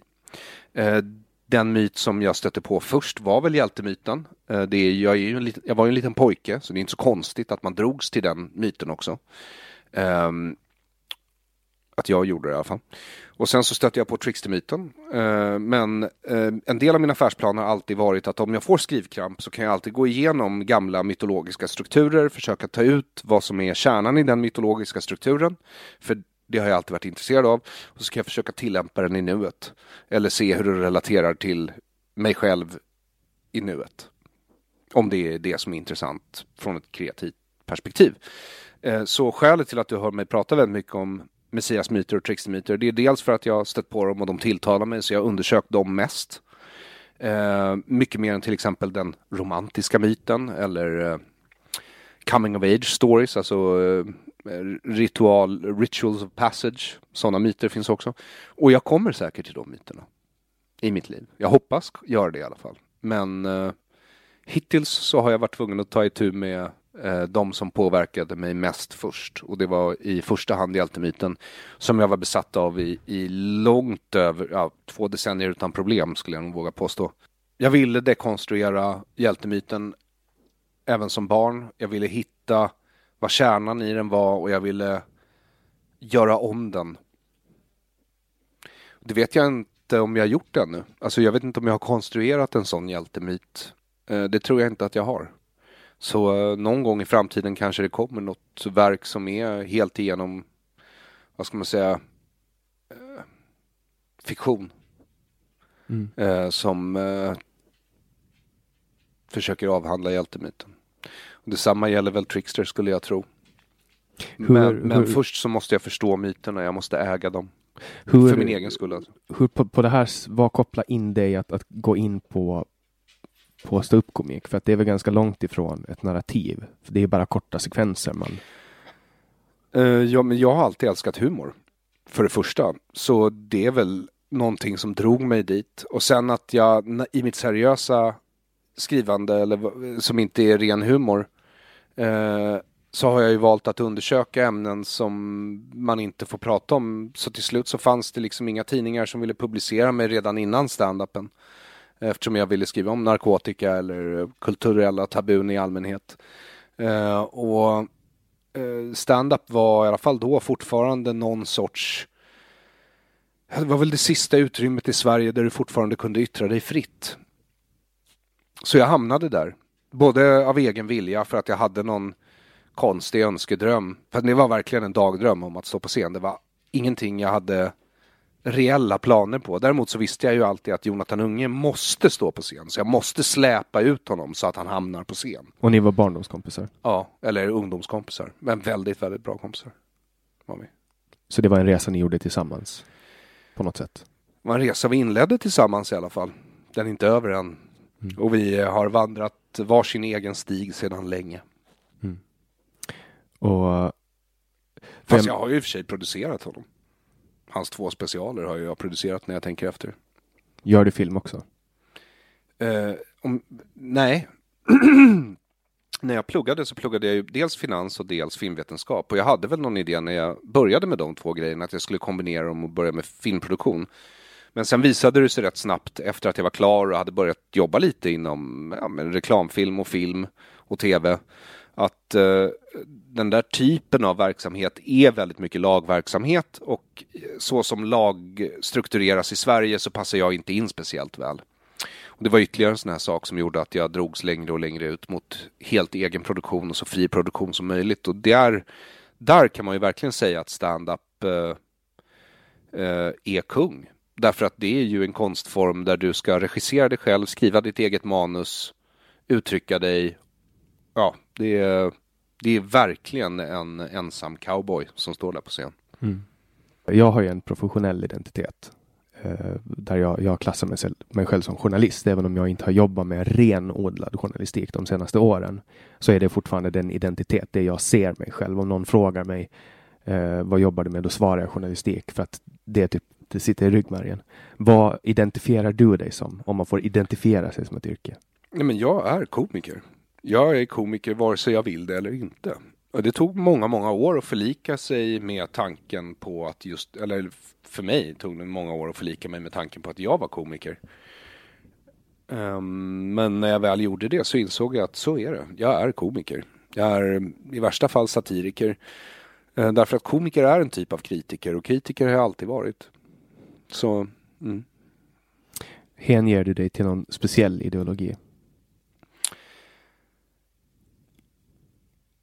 Så jag gillar ju Diogenes. Eller Diogenes, beroende på hur man uttalar det antar jag på svenska. Men, men um, så cynismen antar jag ligger väldigt nära mig. Men det är baserat, alltså han skrev ju inga böcker själv, Diogenes, utan det är bara en samling anekdoter om hur han var som person som ska vara sedelärande på något sätt. Och uh, när jag läste en av dem för massa, massa, massa år sedan i min barn slash ungdom så insåg jag direkt att ja, men det här är ju min filosofi. Och det var anekdoten om att eh, Diogenes brukade gå ut på stadens gator mitt på blanka dagen med en tänd lykta som han lyste folk i ansiktet med och så frågade han dem om de hade sett några människor någonstans. För han hade inte lyckats se några människor, han såg bara kanaljer. Och den tycker jag är väldigt illustrativ. Ja. Um, du klassar dig själv som libertarian, eller hur? Ja, en väldigt kompromissvillig sån med tanke på vilket land jag bor i.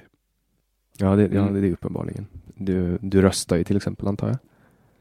Har gjort, men kommer troligtvis inte göra framöver.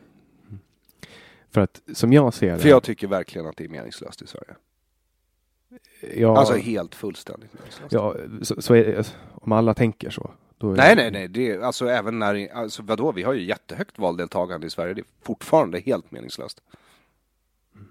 Sorry, alltså jag, jag ser ingen anledning. Inte här. Jag är för välbekant med det här systemet också, hur det fungerar och hur det är uppbyggt. Tror inte på det alls. Mm. Nej, men man, man, behöver ju inte rösta såklart. Nope. Så att uh, det är ju var mans rätt att, att besluta. Och jag gör ju uh, en politisk gärning så ofta ändå i min vardag. Ja, du driver ju opinion. Ja, exakt. Det gör du. Folk, mm. folk som... Så jag får ju utlopp för mina politiska önskemål i vardagen. De flesta andra medborgare har ju bara en chans och det är när man går och röstar vart fjärde år. Men just i Sverige så måste jag nog säga att eh, den rösten, ja, jag vet inte sjutton vad den är till för egentligen. Att bekräfta konsensus kanske. Vart tror du folk eh, vänder sig som lyssnar på dig? Vart, vad röstar de på?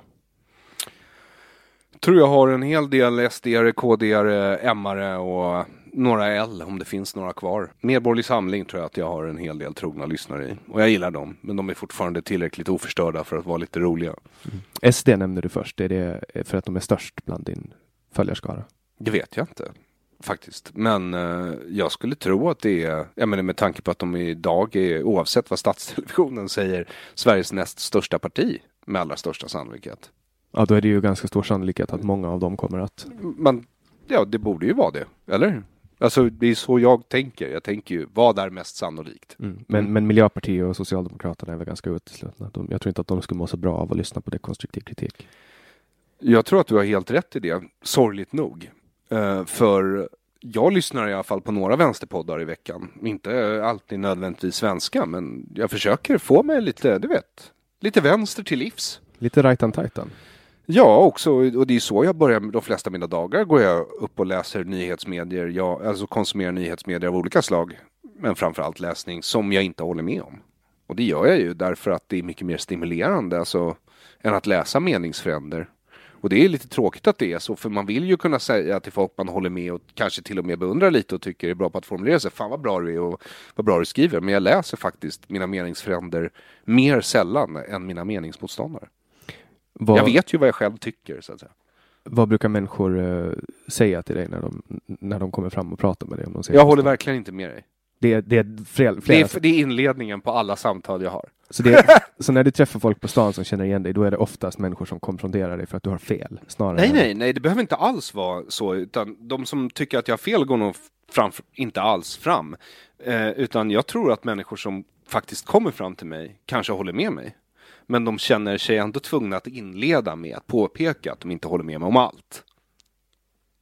Ja, för, ja, konstigt. Vilket jag förutsätter att de inte gör. Mm. Jag förutsätter att de flesta människor jag möter inte håller med mig om allt. Nej, det, det, det förutsätter att folk är individer. Eh, exakt. Och jag tycker också att folk borde förutsätta det om mig. Jag kommer inte att hålla med dem om allt. Men de behöver inte tro att jag inte ska hålla med dem om något heller. Vad, vilken ståndpunkt har du fått mest eh, skit för? Förhud. Och där var ju jag med. Ja. För du pratar ju om en förhud i 35 minuter ungefär. Innan du börjar prata med en förhud. Det vill säga jag. Beklagar. Beklagar. Men eh, det var ju så tokigt där just då. Men det gör ingenting. Mm. Det är ju din podd. Du får göra vad du vill med din podd. Ja, ja, men eh, den hösten, det var ju nog, eh, det var nog det eh, mest primala jag upplevt i svensk offentlighet faktiskt. Men du, För det var verkligen ett primalt hat från majoritetsbefolkningen mot manlig omskärelse. och det är för att du vill att man ska få skära i pojksnoppar. Jag tycker att judendomens svar på frågan var går gränsen mellan stat och individ är ett relativt bra svar. Det vill säga en bit skinn, några droppar blod, men inte ett uns mer. Och det här tycker man i Sverige inte om. Nej, det kan du ge fan på att man inte gör. Man vill förbjuda om, omskärelse. Absolut, det tror jag instinktivt de flesta människor som växer upp utanför den kulturtraditionen vill. Så Alltså jag har full förståelse för men, men vad jag försökte förklara för folk tror jag var att det kommer, du kommer stöta på, så här är det med religionsfrihet. Religionsfrihet är ju till för att skydda de saker som du finner avskyvärda i andras kulturtraditioner. Men du finner dem avskyvärda, men det kanske inte egentligen finns något skäl att förbjuda dem. Eller skadan av att förbjuda dem kanske är större än, än det goda du skulle göra genom att förbjuda dem. Och någonstans måste du sätta den gränsen. Alltså verkligen. Och när du går ner på detaljnivå i frågan hur ska religionsfriheten förhålla sig till andra mänskliga rättigheter, då blir det väldigt, väldigt svårt väldigt, väldigt fort. Men, men du anser inte att det, att, eh, att det är könsstympning? Nej, det gör jag verkligen inte eftersom jag är omskuren. Och vet att jag kan kissa och få erektion och komma. Och, ja. och det mesta av den manliga orgasmen vet jag ju också eftersom jag är man och har upplevt orgasmer sitter ju inte på huden i ollonet. Det är ju inte där du får orgasm. Utan du får ju orgasm in i kroppen från prostatan. Liksom. Mm. Så nej, jag anser inte det vara könsstympning och jag tycker att det är eh, sjukt faktiskt. Att, eh, för jag debatterade ju med en hel del folk på Twitter där och jag försökte förklara så här, men du, du kan inte använda, för, för det här det är ju verkligen relativism. När du definierar, alltså det, det som, om du skär bort blygläpparna och klitoris på en kvinna, då är det könsstympning. Det är stympning därför att du, eh, du gör ju funktionen på könsorganet sämre. Mm. Mm. Och det är ju inte fallet med omskärelse av gossebarn. Hur många... Hur det är heller inte till egentligen för att kontrollera sexualiteten. Det är inte därför Gud gör det. För är det någonting han är tydlig med så är det att han älskar förhudar från gossebarn.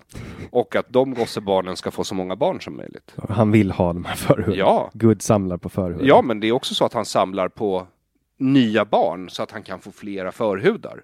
Så det är inte så att han gör det här för att judiska män då inte ska skaffa fler barn. Eller för muslimerna, muslimska män. Men det finns ju andra kulturtraditioner som också sysslar med omskärelse, däribland vissa kristna. Men du ifrågasätter inte logiska argumentet i att Gud vill ha förhudar? Alltså, ehm, det logiska argumentet, alltså det är inte ett logiskt argument, det är ju en preferens han har. Eh, och den kan ju inte jag ifrågasätta. Alltså om du ser eh, just den delen av Gamla Testamentet som är kontrakt då mellan Abraham och Gud. Och det är ju ett kontrakt, de håller på att förhandla fram sig. Men så här, du är min Gud, eller så här, jag, jag bestämmer mig för att så här, Abraham vill ju ha en Gud och Gud vill ha en, en följare. Det här är ju liksom, och här ska avtalet sättas. Vad innebär det? Att du är min Gud och jag är din följare. Och vad innebär det för mina efterlevande och så vidare och så fort. Och vad är priset vi betalar? Och då säger Gud, alltså det är awesome, it's gonna be awesome. Alltså dina efterföljare, de kommer bli kungar och det, det, det, alltså, ni kommer bli asmånga och en stor mäktig nation och så, så, så, så har vi priset. Och priset är ju då den här lilla förhuden liksom. Då får, du, då får du väga i ena handen. Dina barnbarn kommer bli kungar och furstar över jorden. Och det kostar en förhud. Men, men utifrån ditt perspektiv, du ifrågasätter inte det faktum att, att uh, det finns en gud som sitter och uh, skapar människan, men råkar skapa dem. Alltså jag förhuden. tror ju inte på det. Nej. Men du jag, försvarar jag, judarnas rätt att ge sina förhudar till Gud? Absolut. Eh, eftersom vi har religionsfrihet. Och jag tror att vi måste ha samvetsfrihet. Och jag tror att gränsen måste gå någonstans. Och den yttersta gränsen, det är den vi snackar om här. Var går den yttersta gränsen? För vilken plats religionen får ta i människornas liv. Men om, om, och det är det den är svaret på. Om vi tar slöjan till exempel. Ja. Vad tycker du om slöjan? Alltså jag har ju inget problem med slöjan. Alltså, jag, alltså om du undrar, som symbol? Nej, mm. jag, jag, tycker att det är en uh, rätt kass symbol. Faktiskt, eftersom jag inte tror på den dynamiken mellan man och kvinna som Koranen tror på. Eller påstår är fallet i verkligheten. Eh, men, men, om jag vill förbjuda ett stycke tyg? Nej, det vill jag inte göra. Tycker du att det är förtryckande? Jag tycker att det finns ett visst mått av förtryck i det, absolut. Jag tycker också att det finns ett visst mått av förtryck i den judiska kippan. Jag har ju själv inte kippa på mig, som du märker. Men man kan inte jämföra en religiös huvudbonad med att ta en bit av kroppen, antar jag. Finns det någonting inom islam till alltså, exempel? Eller eh, alltså, det, alltså att bli omskuren för mig, eh, det var ju någonting som hände när jag var åtta dagar gammal. Har absolut inget minne av och har förutom de här ständiga diskussionerna med majoritetsbefolkningen aldrig hindrat mig i min vardag. Men att gå runt i en slöja kan ju faktiskt eh, fysiskt hindra dig i din vardag. Så där finns det ju sak, fördelar och nackdelar man kan diskutera. Ja, men slöjan kan man ta av sig. Förhuden kan man inte lägga på igen. Varför du nu skulle vilja? Nej, jag vet inte, men, men det, ja. Därför att det är ju också en sån här grej. Det har ju förts fram i den här debatten så var det ju flera på Twitter som förde fram och det var ju bara samma person de förde fram. Det är en person, någon ung judisk vänstersnubbe i USA som åker runt världen och föreläser om att han vill ha tillbaka sin förhud och tycker att det hans föräldrar utsatte honom för var ett religiöst övergrepp. Och det är han fri att tycka, givetvis. Eh, men om det är hans största problem i världen, då är han den mest bortskämda slyngel jag någonsin har stött på. Faktiskt. Jag tycker ju faktiskt att uh att man i sådana fall skulle kunna skramla ihop lite pengar och lägga dit en syntetisk förhud. Alltså hur man än vill lösa det. Det här är, alltså när du står på den här barrikaden och det gjorde ju verkligen stora delar av det svenska Twitteratin stod på barrikaden mot manlig omskärelse. Och när de tittade sig åt sidan så stod ingen manligt omskuren vid deras sida. Och det är väl egentligen allt du behöver veta. Ja, därför, att, därför att det majoritetsbefolkningen gjorde där, oavsett vad jag personligen tycker om blodstraditionen, omskärelse av mig, så var det som att hela Sverige ställde sig upp och kallade mig och Mustafa Panshiri för kastrerade. För det är ju vad du säger när du säger att någon är könsstympad. Mm. Den personens könsorgan, organet som representerar sexuell reproduktion, ett sorts centrum i människan, fungerar inte. Du är kastrerad, du är inte en fullständig människa, du är stympad. Ja, det är vad de säger.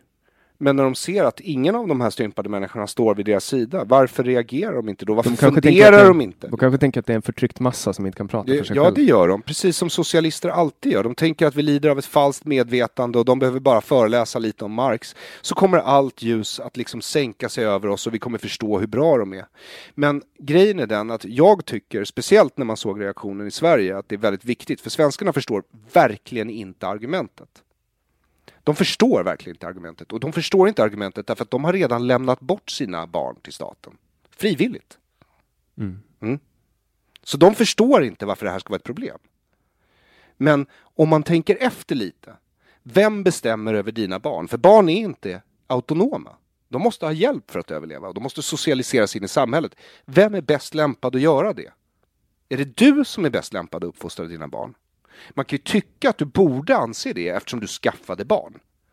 Eller skaffade du dem enkom för statens skull? För att ditt förtroende, för att den stat som inte klarar av att hålla beredskapslager, inte kan för, inte definiera en värdegrund, inte verkar ha några principer.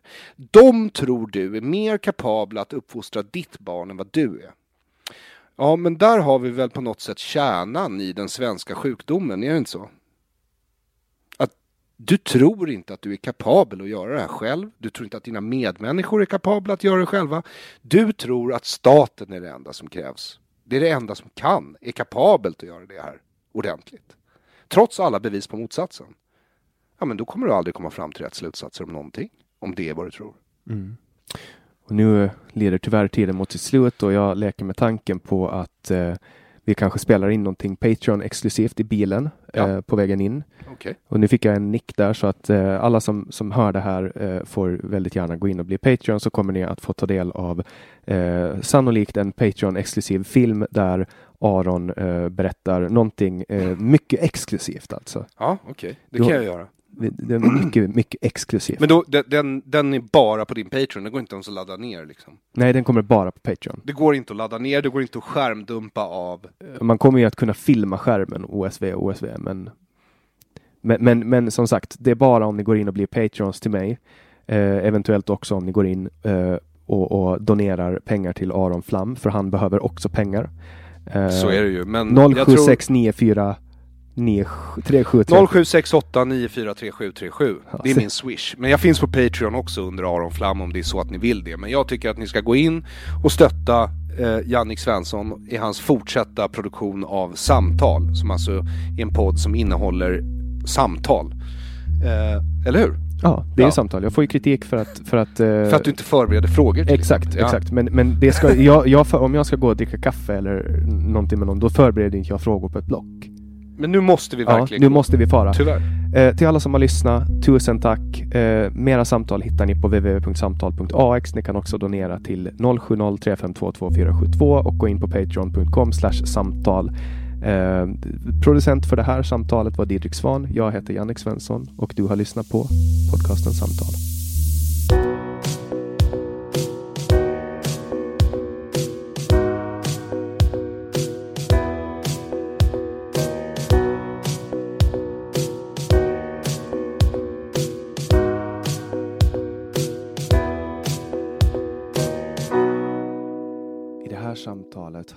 Spela upp en bit från en intervju med min farfar Hasse Svensson. Den här biten kommer från en intervju med Ålands Radio som heter Fredagsgäst och den sändes 24 i 9 2004. Mom deserves the best, and there's no better place to shop for Mother's Day than Whole Foods Market. They're your destination for unbeatable savings, from premium gifts to show-stopping flowers and irresistible desserts. Start by saving 33% with Prime on all body care and candles. Then get a 15-stem bunch of tulips for just $9.99 each with Prime. Round out Mom's menu with festive rosé, irresistible berry chantilly cake, and more special treats. Come celebrate Mother's Day at Whole Foods Market. Hey, it's Danny Pellegrino from Everything Iconic. Ready to upgrade your style game without blowing your budget? Check out Quince. They've got all the good stuff shirts and polos, activewear, and fine leather goods, all at 50 to 80% less than other high end brands. And the best part? They're all about safe, ethical, and responsible manufacturing. Get that luxury vibe without the luxury price tag. Hit up quince.com slash upgrade for free shipping and 365 day returns on your next order. That's quince.com slash upgrade. Hi, I'm Daniel, founder of Pretty Litter. Did you know cats tend to hide symptoms of sickness and pain? I learned this the hard way after losing my cat, Gingy. So I created Pretty Litter, a health monitoring litter that helps detect early signs of illness by changing colors, saving you money and potentially your cat's life. Pretty Litter is veterinarian developed, and it's the easiest way to keep tabs on your fur baby's health right at home. Go to prettylitter.com and use code ACAST for 20% off your first order and a free cat toy. Terms and conditions apply. See site for details.